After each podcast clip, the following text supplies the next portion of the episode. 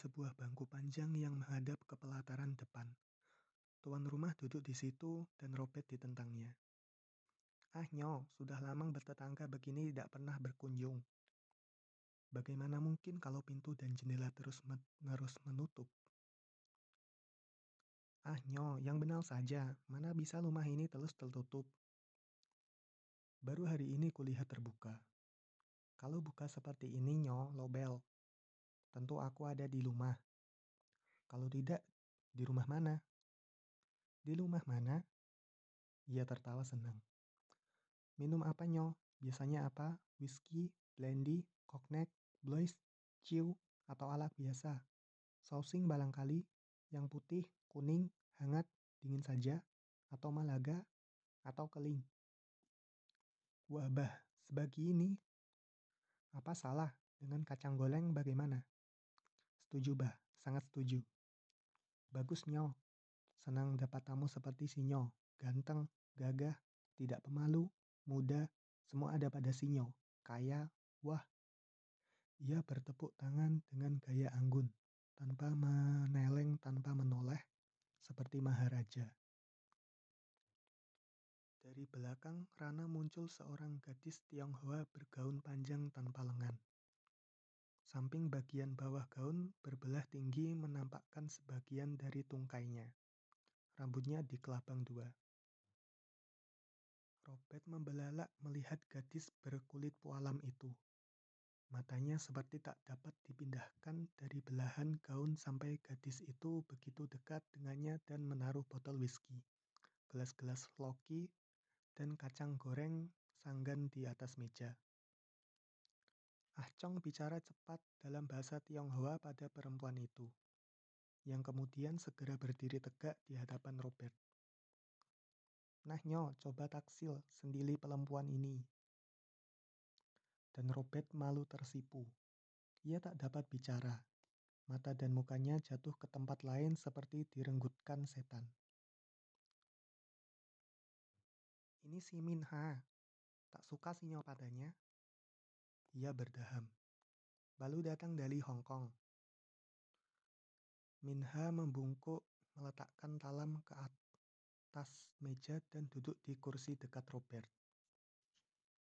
Sayang sekali nyo, Minha tidak bisa bahasa Melayu. Belanda tidak, Jawa juga tidak. Hanya Tionghoa saja. Apa boleh buat? Sinyo diam saja. Mengapa? Dia sudah ada di samping Sinyo. Ai ai Sinyo, jangan pula-pula tidak berpengalaman begitu. Ayo, Nyo. Masa mesti malu sama Baba? Minhua menyodorkan gelas whisky pada bibir Robert yang menerimanya tanpa kemantapan. Dan Ah Chong sengaja tersenyum manis memberanikan. Minha tertawa genit melengking dengan kepala didongkakkan. Otot muka pada tertarik, mulut terbuka dan gigi mutiaranya dengan satu gingsul berparade dalam mulutnya. Kemudian perempuan itu bicara keras dan cepat memberi komentar tanpa koma, tanpa titik. Dan Robert tidak mengerti, malah semakin kehilangan kemantapan waktu perempuan itu mendekatkan kursi padanya. Melihat Robert menjadi pucat dan gelas di tangannya hampir jatuh, Minha mendorong sloki itu pada bibir pemuda jangkung itu, dan Robert meneguknya tanpa ragu. Tiba-tiba ia terbatuk-batuk ia tak pernah minum minuman keras. Whisky menyemburi Ah Chong dan Minha. Mereka tak marah, tertawa-tawa senang. Satu sloki lagi nyo, tuan rumah menyarankan. Minha menuangkan whisky lagi dan sekali lagi menyuruh tamu muda itu minum. Pemuda itu menolak dan menyeka mulut dengan setangan. Ia makin malu. Masanya sinyo pula-pula belum pernah minum whisky dan meledeknya. Tidak suka whisky, tidak suka Minha. Ia lambaikan tangan dan perempuan itu pergi, menghilang ke balik rana berukir tembus. Ia bertepuk tangan lagi. Sekarang muncul gadis Tionghoa lain, berbaju dan bercelana panjang sutra bersulam aneka gambar dan warna. Ia berjalan bergeol-geol mendekati sice bambu membawa talam bambu berisi penganan dan meletakkan di atas meja. Di atas talam yang ditinggalkan Minhwa. Ia membungkuk pada Robert dan tersenyum memikat. Sebagaimana halnya dengan perempuan pertama, ia juga bergincu. Belum lagi selesai menata penganan, Minha sudah datang lagi membawa air bening dalam gelas di atas talam kaca. Meletakkannya di hadapan Robert. Kemudian duduk di tempatnya yang tadi. Wah nyo, sekalang dua. Mana lebih menalik? Ayo, jangan malu-malu. Yang ini Shishi. Di depan rumah beberapa kereta mulai berdatangan. Tamu-tamu pada langsung masuk ke dalam. Sebagian berpakaian Tionghoa, sebagian lagi piyama. Semua lelaki dan berkucir. Tanpa mengindahkan tuan rumah ada atau tidak, mereka langsung duduk dan mulai ramai bercericau, berdahak, dan membuka permainan judi. Tak ada yang disukai lupanya sinyo ini, desau Acong, dan menggerakkan tangan menyuruh mereka pergi untuk melayani para tamu. Juga Shishi Shino tak suka, ia berdiri dan memanggil Sisi. Begitu wanita itu datang lagi, Ah Chong menariknya dan menundukkannya di samping Robert. Siapa tahu Sinyo lebih suka ini. Dan Robert tampak masih sangat malu, kacau antara mau dan takut. Babah meneruskan tawanya, asyik melihat pemuda yang kebingungan itu. Dan tamu-tamu lain sama sekali tak mengindahkan mereka yang di pojokan. Sekarang Sisi ribut bercari-cau dengan suara keras, cepat, kemudian mulai merayunya, memperbaiki letak kemeja dan sabuk, menjentik-jentik gombak kemeja. Babah mengawasi dan terus juga tertawa. Robert makin meriut. Kemudian dua orang Tionghoa itu bicara ribut. Dan Robert tetap tak mengerti barang sepatah. Baiknya, memang Sinyo tak suka dua-duanya. Shishe bangkit dan menghilang di balik kerana dan Ah Chong bertempuk empat kali. Robert menyesal setengah mati barangkali. Ia menunduk. Dari balik rana muncul seorang wanita Jepang dalam kimono berbunga-bunga besar. Wajahnya kemerahan. Ia melangkah pendek-pendek dan cepat. Mukanya bundar dan bibirnya tergincu dan selalu tersenyum. Rambutnya terkodai ia langsung duduk di samping tuan rumah. Waktu tertawa nampak salah sebuah gigi serinya dari Mas. Lihat sini Nyo, ini pelempuan lagi. Barangkali karena tak mau menyesal untuk kesekian kali, Robert memberanikan diri memandangi wanita Jepang itu. Nah Nyo, ini Maiko. Baru dua bulan datang dari Jepang. Belum sampai habis bicara, Maiko telah bicara cepat bernada tinggi dalam Jepang. Juga Robert tidak mengerti. Namun ia telah memberanikan diri menatapnya. Ah Chong menutupkan tangannya pada mulut wanita itu dan berkata, Ini kepunyaanku sendiri.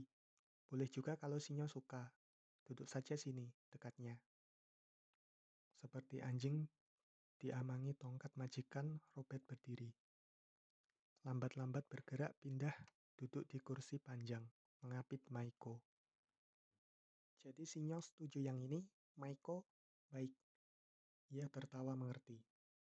Kalau begitu, aku pergi saja, terserah pada Sinyo. Tamu itu mengikuti tuan rumah pergi dengan matanya. Dan Ah Chong mencampurkan diri dengan para tamu yang makin banyak juga, bermain kartu, karambol, atau mahjong. Ia berjalan lambat meneliti meja demi meja. Kemudian datang lagi ke sijil bambu. Berdiri di hadapan dua sejoli yang tak dapat berhubungan kata satu dengan yang lain itu. Ya memang susahnya, Maiko tidak mengerti Melayu, apalagi Belanda. Bagaimana bisa Sinyo tak pernah bergaul dengan noni-noni Jepang? Tak pernah ke kembang Jepun barangkali. Lihat pun baru sekali ini, bah. Baru Robert memperdengarkan suaranya. Luginya, lugi jadi anak muda berduit. Di setiap rumah pelesilan Tionghoa seperti ini hampir selalu ada noni Jepang. Luginya lugi. Tidak pernah masuk rumah lampu merah di kota, di Kembang Jepun, di Betawi.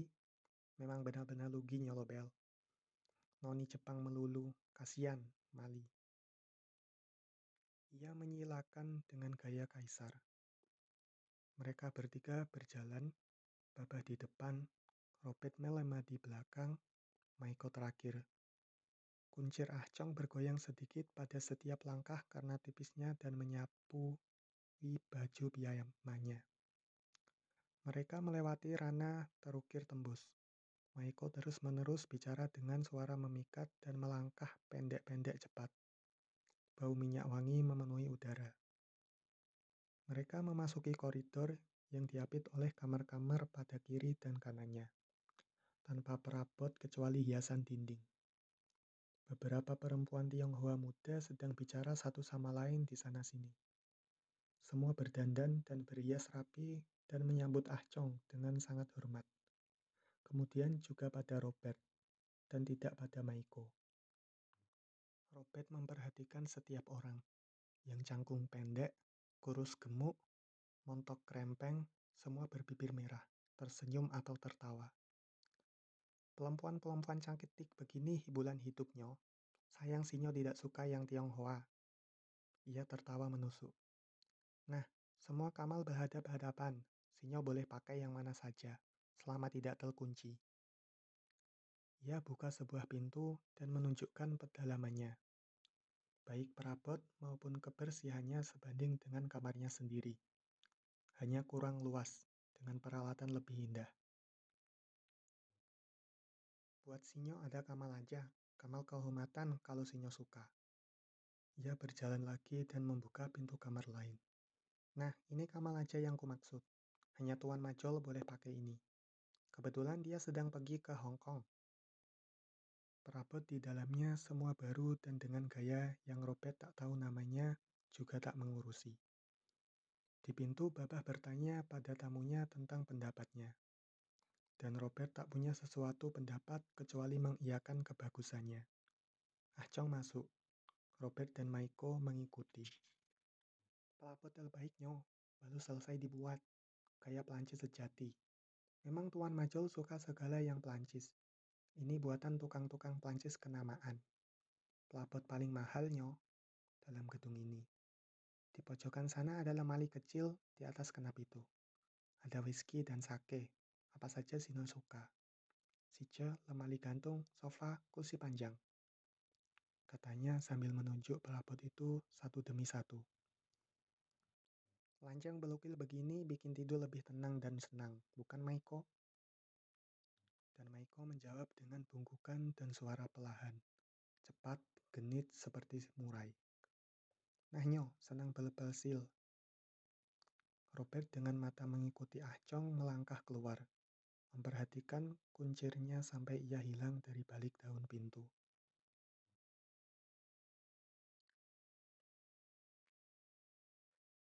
Juga karena mengutamakan urutan waktu, aku susun bagian ini dari bahan yang kudapat dari pengadilan di kemudian hari. Sebagian terbesar didasarkan pada jawaban-jawaban Maiko melalui peterjemah, tersumpah, dan kutulis dengan kata-kataku sendiri. Aku datang dan berasal dari Nagoya, Jepang, ke Hong Kong sebagai pelacur. Majikanku seorang Jepang, yang kemudian menjual diriku pada seorang majikan Tionghoa di Hong Kong. Aku sudah tidak ingat siapa nama majikan kedua itu. Beberapa minggu di tangannya terlalu pendek untuk dapat mengingat namanya yang sulit diucapkan. Ia menjual diriku pada majikan lain, juga orang Tionghoa dan dengan begitu aku dibawa berlayar ke Singapura. Majikan ketiga ini ku kenal hanya pada namanya Ming. Selebihnya aku tak tahu. Ia sangat puas dan senang padaku karena tubuhku dan layananku mendatangkan banyak keuntungan baginya. Majikanku yang keempat seorang Jepang Singapura. Ia sangat bernafsu untuk memiliki diriku. Tawar-menawar yang cukup lama. Akhirnya dibelinya aku seharga 75 dolar Singapura. Harga tertinggi untuk wanita umum Jepang di Singapura. Memang aku bangga tubuhku lebih mahal dari wanita umum dari Sunda, yang biasanya menduduki tempat tertinggi dan termahal dalam dunia pelesiran di Asia Tenggara. Tetapi kebanggaanku tidak terlalu lama umurnya, hanya lima bulan. Majikanku, orang Jepang itu, kemudian terlalu benci padaku. Aku sering dipukulinya. Malah pernah aku disiksanya dengan sundutan api rokok. Soalnya karena langgananku semakin berkurang juga. Memang memang demikian risiko yang dapat menimpa diriku bukan sekadar sipilis biasa. Dalam dunia pelacuran yang terkutuk ini dinamai sipilis atau Birma. Aku tak tahu mengapa dinamai demikian. Dia masur tak terobati, dan lelaki dirusak dan dihancurkan lebih cepat dan lebih sakit. Perempuan bisa tak merasa sesuatu untuk waktu agak lama. Maka majikanku menjual aku dengan harga 20 dolar pada majikan Tionghoa, majikan kelima. Dibawanya aku ke Betawi. Sebelum jual beli, terjadi majikanku yang lama membawa aku masuk ke dalam kamar. Dipukulinya dadaku dan pinggangku sampai pingsan. Setelah siuman, aku ditelanjanginya dan ditotoknya bagian-bagian tubuh untuk mematikan syahwat. Ia bernama Nakagawa. Pada keesokannya, baru aku diserahkan pada majikan lain itu. Pada hari pertama, majikan baruku hendak mencoba aku. Aku menolak. Kalau dia tahu aku berpenyakit terkutuk itu, tentu aku akan kena aniaya lagi mungkin sampai mati. Bukan sesuatu yang luar biasa seorang pelacur dibunuh oleh majikannya dan disembunyikan atau dihancurkan entah di mana mayatnya. Pelacur makhluk lemah tanpa pelindung. Lagi pula aku tahu gejala kelemahan sudah mulai menyerang syahwatku. Padanya aku minta disewakan sinsei penotok. Tiga kali sinsei memperbaiki tubuhku dan syahwatku mulai pulih. Namun aku tetap menolak dicoba oleh majikanku. Beruntunglah dia mengalah. Baru saja tiga bulan dan majikanku tahu juga aku punya penyakit. Ia marah. Itu kok ketahui hanya dari air mukanya dan ada suaranya karena aku tak mengerti Tionghoa. Langganan semakin berkurang. Orang menghindari tubuhku dan ia menjadi jengkel. Siang malam aku berdoa, jangan kiranya ia menganiaya diriku. Tidak, boleh juga ia menganiaya diriku asal jangan simpananku dirampasnya. Tahun mendatang aku berharap akan bisa pulang kembali ke Jepang dan kawin dengan Nakatani yang menunggu aku pulang membawa modal. Majikanku tak menganiaya aku, juga tidak merampas tabunganku. Waktu aku pindah tangan pada Babah Hacong dengan harga senilai dengan 10 dolar Singapura, ia beri aku persen setengah gulden dan kata-kata ini diucapkan dalam Jepang yang patah-patah. Sebenarnya aku suka mengambil kau jadi gundi. Aku sangat menyesal mendengar ucapannya itu. Jadi gundi lebih ringan daripada jadi pelacur dan dapat hidup agak wajar lebih bebas daripada jadi istri seorang pemuda Jepang yang mengharapkan modal dari calon bininya. Apa boleh buat, penyakit terkutuk ini telah mendekam dalam diriku. Baba Hacong sangat bernafsu padaku. Aku sudah berusaha menyangkalnya, takut pada datangnya bencana baru. Kalau sekali, kalau sekali ini terbongkar lagi, harga badanku mungkin hanya tinggal senilai 5 dolar dan jadilah aku sampah jalanan di negeri orang. Jadi aku minta disewakan seorang seni sensei ahli penotok. Sensei itu menjamin aku bisa sembuh dengan totok selama sebulan dengan 10 totokan pada menjelang malam. Babah berkeberatan dengan waktu yang selama itu dan upahnya yang mahal pula. Aku hanya mendapat totokan sekali, totokan percobaan. Sebelum berangkat ke Surabaya, tak ada alasan lain padaku untuk menyangkal majikanku. Aku dipergunakannya untuk dirinya sendiri, semata sampai aku ditempatkan di rumah pelesiran di Wonokromo dan mendapat kamar terbaik. Bila berada di rumah pelesirannya, hampir selalu ia tinggal di kamarku, tidak di kamar lain, yang 14 banyaknya. Babah nampaknya tidak tertulari penyakitku. Maka aku merasa tenang dan senang. Memang ada sejenis lelaki yang kalis dari penyakit dunia pelesiran. Boleh jadi memang karena totokan yang sekali itu, penyakitku kehilangan keganasannya, maka tidak menular. Siapa tahu? Dan harga tubuhku boleh jadi akan naik lagi. Ya, siapa tahu? Kalau Babah menggundik diriku, aku akan bersyukur dan akan mengabdi padanya sebaik-baik seorang gundik. Kalau tidak, sebelas bulan lagi cukuplah waktuku jadi pelacur, dan aku akan pulang. Setidak-tidaknya aku sudah terlalu mampu untuk menebus diriku dari majikan terakhir. Bulan itu pun habis. Babah ternyata terkena sipilis Birma juga. Ia tak tahu, tak kenal penyakit aneh itu. Ia tak langsung menuduh aku karena ada banyak wanita lain dalam kehidupan pelesirannya. Lagi pula kami berdua tak bisa bicara satu pada yang lainnya. Bahwa ia mengidap penyakit ku ketahui waktu pada suatu hari 14 orang pelacurnya dari berbagai bangsa dibariskannya telanjang bulat di hadapannya dan ditanyai seorang demi seorang tentang penyakit mereka. Pada tangan kanannya ia membawa cambuk tali kulit, dan tangan kiri mengukur suhu yang mencurigakan yang keluar dari kelamin para wanita celaka itu. Aku sebagai perempuan Jepang satu-satunya tidak dicurigai. Di dunia pelesiran di atas bumi ini, pelacur Jepang selalu dianggap paling bersih dan pandai menjaga kesehatan, senyawa dengan jaminan bebas penyakit. Maka aku tak diperiksa. Tiga orang disingkirkan dari barisan. Ah Chong memerintahkan pada para perempuan sisanya, kecuali aku, untuk mengikat mereka dengan tali. Mulut mereka disumbat. Ah Chong sendiri yang menghajar tubuh mereka dengan cambuk kulit, tanpa mengeluarkan suara dari mulut mereka yang tersumbat dengan selendang. Mereka adalah kurbanku, dan aku diam saja. Memang susah jadi pelacur. Bila terkena sakit kotor, harus segera melapor dan majikan segera menganiaya. Sebaiknya orang membisu sampai dia mengetahui melalui jalan yang tersedia. Tapi penganiayaan juga yang bakal datang. Setelah tiga wanita itu sembuh dari penganiayaan, mereka dijual pada seorang tengkulak di Singapura untuk dibawa ke Medan. Aku tetap tidak tergugat di rumah pelesiran Ahjong. Sampai sejauh itu, hanya dia seorang saja yang kulayani. Maka aku tak terlalu lelah. Kesehatan dan kesegaranku rasa-rasanya hendak pulih, juga kecantikanku. Hampir setiap orang Tionghoa karyanya mempunyai suhian, rumah pelesirannya sendiri.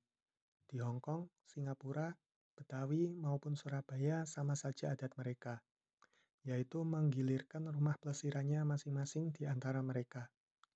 Begitulah maka pada suatu hari, rumah pelesiran Babah Acong mendapat giliran. Pagi-pagi tepukan tangan Babah telah memanggil aku keluar. Keluarlah aku. Memang ada rencana untuk berjudi pagi, sore, dan malam hari baru untuk pelesiran. Beberapa orang tamu sudah berdatangan di ruang depan, bermain kartu, mahjong, dan karambol. Sebenarnya aku sudah gelisah. Giliran pada rumah pelesiran ini jangan-jangan membuat majikanku melepas aku pada tamu-tamunya. Siapa pun tahu, perempuan Jepang sangat disukai mereka. Berapa berapa orang harus kulayani bila babah sampai hati melepas aku? Ternyata memang ia perintahkan aku melayani tamunya. Seorang anak muda jangkung bertubuh besar, kuat dan ganteng, sehat dan menarik, seorang keturunan Eropa. Namanya Robert. Sebenarnya iba hatiku melihat kemudian harinya. Sepintas kelihatan ia seorang pelonco yang belum banyak pengalaman. Siapa tidak kasihan melihat anak semuda itu harus terkena penyakit celaka. Sebentar nanti, kalau dia menghendaki tubuhku, menanggung seumur hidup, mungkin dia juga cacat atau mati muda karenanya. Aku perhatikan air muka majikanku. Ia main-main atau sungguh-sungguh. Nampaknya ia tak menyesal melepas diriku untuk Robert. Sekaligus aku mulai mengerti dia telah tahu juga aku yang menularinya dengan penyakit itu. Sebentar lagi ia akan jual aku pada orang lain. atau ia akan paksa aku menebus diriku sendiri dengan entah berapa puluh dolar. Aku merasa merasa sangat-sangat sedih pada pagi itu. Setelah Babah membawa Robert dan aku ke dalam kamar dan menguncinya dari luar, taulah aku. Aku harus bekerja, dan bekerja sebaik-baiknya. Aku harus segala kesedihan dan was-wasku. Robert duduk di kursi panjang. Segera aku berlutut di hadapannya dan mencabut larsa dari kakinya. Sepagi itu, kaos kakinya kotor dan nampak tak terawat sebagaimana mestinya. Dari lemari kuambilkan sepasang sandal. Tak ada yang cocok ukurannya. Kaki itu sangat besar. Apa boleh buat? Baru kemudian aku tarik kaos kaki dari kakinya yang kokoh dan kuat itu. Sandal hanya kuletakkan di depannya. Tidak kupasangkan. Sandal jerami itu akan hancur kemasukan kakinya. Ia tak mengenakannya. Nampaknya ia seorang yang banyak bertimbang-timbang. Robert tidak bicara apa-apa, hanya memandangi aku dan segala tingkah lakuku dengan mata terheran-heran. Kulepas kemejanya yang bersaku dua. Ia diam saja.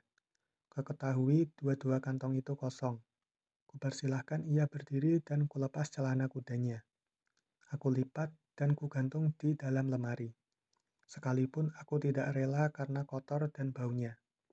Pakaian dalamnya nampak telah lebih seminggu tidak diganti, terlalu kotor. Ia kelihatan agak malu. Itulah pemuda Robert, tidak mempunyai suatu kecuali kemudahan dan kesehatan, kegantengan, dan nafsu berahinya sendiri. Aku mulai berpikir lagi, apa sebab Babah melepas aku pada pemuda tak punya sesuatu apa ini? Pasti ia takkan menjual diriku, juga takkan memaksa aku menebus diriku karena penyakit terkutuk ini. Nampaknya ia tetap belum tahu tentang penyakitku. Aku agak senang dan tenang dengan pesangon pikiran itu. Dari dalam lemari lain, kuambilkan untuknya selembar kimono Tuan Majoru. Aku lepas pakaian dalamnya dan aku kimonoi dia. Ia masih duduk diam-diam. Kuambilkan untuknya cawan anggur penguat, biar takkan terlalu menyesal ia di kemudian hari terkena penyakit yang akan bersarang abadi dalam tubuhnya. Biar ia mendapat kenangan-kenangan indah dari penderitaan tanpa batas kelak. Suatu keindahan dan kenikmatan yang telah jadi haknya.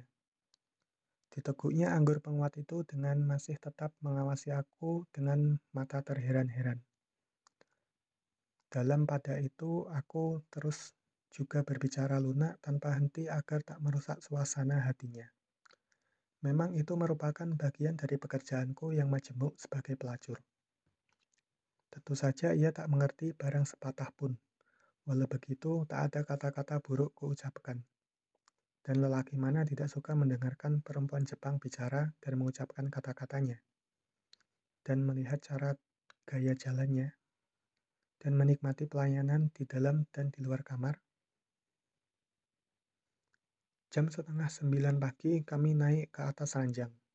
Robert, Robert menolak makan siang. Tubuhnya sangat kuat. Tubuhnya yang bermandi keringat membuat ia seperti terbuat dari tembaga tuangan. Tak pernah ia melepaskan aku. Tingkahnya gelisah dari seorang pemuda yang belum banyak pengalaman. Kalau bukan karena anggur penguat itu, ia telah melepas darah dan takkan mampu turun sendiri. Biarlah. Sebentar lagi tubuhnya yang hebat itu akan rusak binasa. Segala yang ada padanya akan musnah. Kemudian kegantengan, kekuatan, ah, ah, karunia yang tidak datang pada setiap orang itu. Karena itu aku totok ia pada bagian-bagian tubuh sebagaimana pernah dilakukan oleh Shinsei Tionghoa atas diriku. Ia tak tahu maksudku, namun manda saja seperti bocah kecil dungu. Dan aku lakukan ini dalam pelukannya yang perkasa. Pada jam 4 sore ia baru lepaskan aku dan turun dari ranjang. Aku pun turun dan menyeka badannya yang bermandi keringat dengan anduk basah beberapa kali dengan air mawar. Lima lembar anduk. Ia telah kehabisan tenaga, lenyap kekuatan dan kegagahannya, seperti selembar pakaian tua mengelumpruk di kursi. Ia minta pakaiannya. Aku ambilkan dan kukenakan padanya selembar demi selembar. Juga kaos kaki dekil bau itu dan rasanya yang berat dari kulit talenta. Setelah itu aku gosok rambutnya dan aku pijiti kepalanya biar tidak pening. Aku sisiri sampai rapi, baru kemudian aku sendiri berpakaian setelah lebih dahulu menggosok tubuh dengan anduk basah pula. Nampaknya ia sangat puas. Ia masih menyempatkan diri menyambar lenganku dan memangku aku dan bicara dengan suara dalam dan lambat. Aku tak mengerti artinya, namun senang mendengar kedalaman suaranya. Dan aku meronta menolak khawatir nafsunya akan bangkit kembali. Aku sendiri belum lagi sarapan ataupun makan siang. Aku pun akan rusak bila melayaninya. Mungkin ia sendiri pun kosong perutnya. Ia sudah begitu pucat seperti baru bangun sakit. Tak sampai hati melihatnya. Kuambilkan lagi anggur penguat untuknya biar mukanya agak berdarah.